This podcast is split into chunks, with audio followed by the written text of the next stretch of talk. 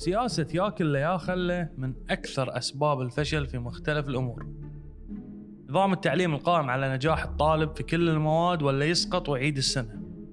بغض النظر عن قدراته وميوله. طالب سقط في الرياضيات لكن شاطر في العربي. ما يشفع له وراح يعيد السنة حتى لو كان أحمد شوقي أو حتى لو كان طه حسين. شابة قررت ما تتحجب ولا شاب ما قاعد يصوم. لو كل الأمور الثانية ملتزمين فيها بعد راح يهم واحد ويقول لهم لكم النار وبئس المصير. يا تلتزم في الدين كله يا ما في شيء من اللي قاعد تسويه مقبول. بدل ما يشجعونهم يتقربون أكثر للدين يخلونهم يكفرون في الدين كله. شخص تختلف فكريا في موضوع معين وياه. تقوم تحط عليه إكس في أي شيء يقوله حتى لو كان من مصلحتك.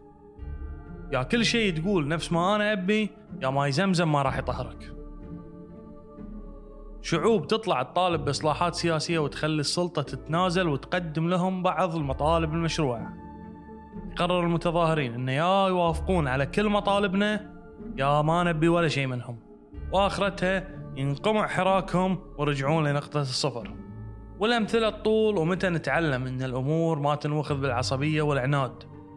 ليش ما ناخذها حبة حبة.